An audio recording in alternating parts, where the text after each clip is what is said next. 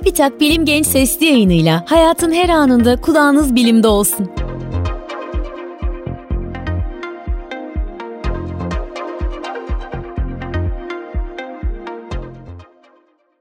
Merhaba, Bilim Genç Sesli yayınına hoş geldiniz. Ben Bahri Karaçay. Annemin elinden tutup iğne olmak için sağlık ocağının yolunu tuttuğum o günleri hiç unutmuyorum. İkide bir de bademciklerim şişerdi. Boğazım ağrır, yutkunma zorlukları çekerdim. Bazen ateşim de yükselirdi. Yutkunurken sanki boğazıma bir şeyler takılırdı. Baş ve işaret parmaklarımı boğazımın iki yanına çene altıma koyduğumda her iki yanda da şişmiş ve sertleşmiş bademcikleri hissederdim. Bademcikleri şişmiş, iğne olmaya gidiyoruz derdi annem soran komşulara. Aradan onlarca yıl geçmiş olmasına rağmen hala bugün gibi hatırlıyorum sağlık ocağının koridorlarını, beyaz gömlekli hemşireleri, üzerine yattığım masayı ve özellikle sterilizasyondan çıkmış demir iğne uçları ve cam enjektörlerle dolu çinko tabakları. O günlerde iğne uçları ve camdan yapılmış enjektörler 100 derecede su içinde kaynatılarak sterilize edilir ve tekrar tekrar kullanılırdı. Hemşirelerin önce o enjektörlere çekip sonra kalçama vurdukları ve inanılmaz bir acı veren o şey penisilindi. Böylece penisilin ismi ilk öğrendiğim ilaç olarak hafızama kazınıyordu. Bademciklerimdeki iltihaplanmaları çok etkin bir şekilde giderirdi penisilin. Aradan geçen yıllarda penisilinin ne kadar olağanüstü bir ilaç olduğunu, yüz binler hatta milyonlarca insanın hayatta kalmayı borçlu oldukları bir ilaç olduğunu öğrenecektim. Penisilinin nasıl keşfedilmiş olduğu merak konusuydu benim için. Bu ilginç hikayeyi sizinle paylaşmak istedim.'' İskoçyalı Alexander Fleming ve çalıştığı bakteriyoloji laboratuvarının lideri Sir Almright Wright, Birinci Dünya Savaşı'nda yaralı askerlerin bakımı için Fransa'ya gönderiliyor.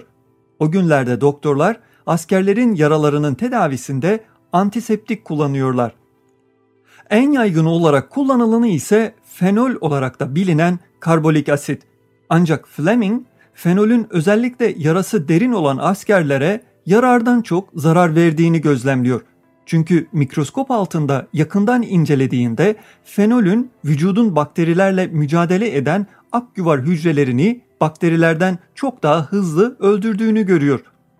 Derin yaralarda durum böyleyken fenol yüzeysel yaralarda etkin bir şekilde bakterileri öldürüyor.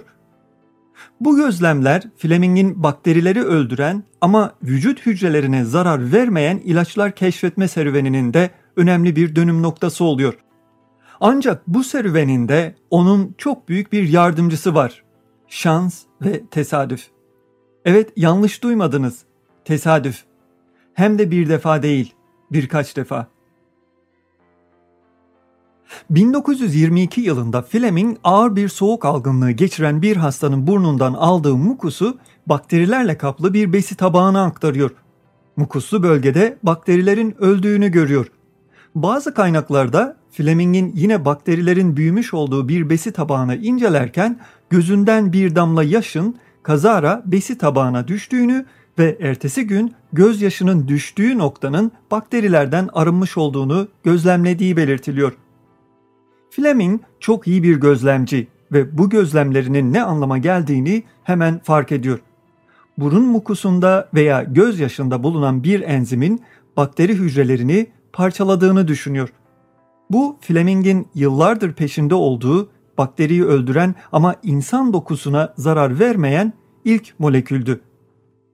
Fleming bu enzime lizozim adını veriyor. Daha sonra lizozimin tükrük, gözyaşı, ter ve mukus gibi vücut salgılarında da yer aldığı bulunuyor.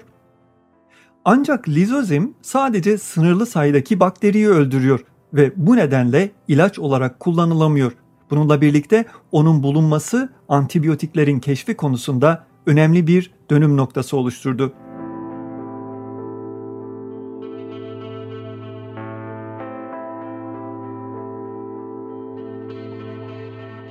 Aradan 7 yıl gibi bir süre geçiyor. 1928 yılında Fleming bu sefer stafilokok bakterisi üzerinde çalışmalar yapıyor. Fleming çok iyi bir bilim insanı ama biraz dağınık. Nitekim o yaz Ağustos ayında ailesiyle birlikte yaz tatiline çıkmadan önce stafilokok bakterilerini ektiği besi tabaklarını laboratuvarın bir köşesine üst üste yığıp bırakıyor.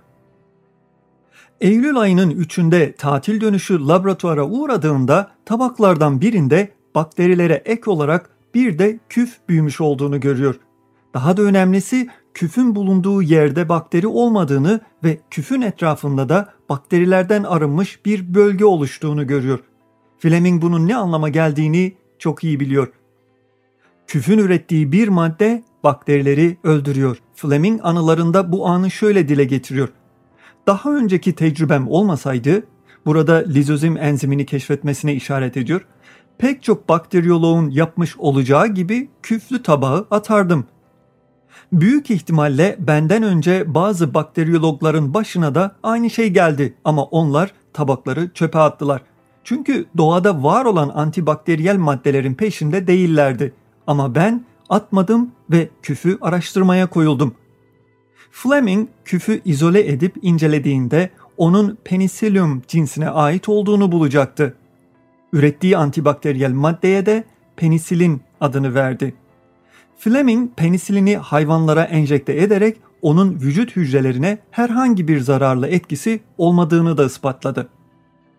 Fleming bir süre penisilini izole etmeye çalışır ama maalesef başarılı olamaz ve penisilin ile ilgili çalışmalarını 1934 yılında sonlandırır. Bundan 5 yıl sonra 1939 yılında bir İngiliz bilim insanı olan Howard Florey ve Hitler Almanyası'ndan kaçıp İngiltere'ye gelerek Florey ile çalışmaya başlayan bir Yahudi biyokimyager olan Ernst Boris Chain, penisilinin yapısını çözer ve laboratuvarda saf olarak elde eder.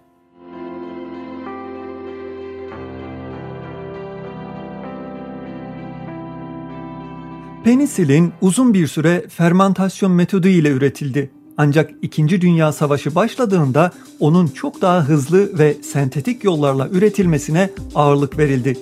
İngiltere ve Amerika Birleşik Devletleri'nde bilim insanları yoğun bir şekilde onun izolasyonu ve sentezi için çalışmaya koyuldular. Özellikle fermentasyon metodunda çok önemli gelişmeler sağladılar. Kısa sürede önemli miktarda penisilin üretebildiler. Ancak penisilinin sentetik olarak üretilmesi savaştan çok daha sonra oldu. Keşifleriyle sayısız insanın yaşamını kurtaran ve günümüzde de kurtarmaya devam eden bu üç bilim insanı Fleming, Florey ve Chain 1945 yılında fizyoloji veya tıp dalında Nobel ile ödüllendirildiler.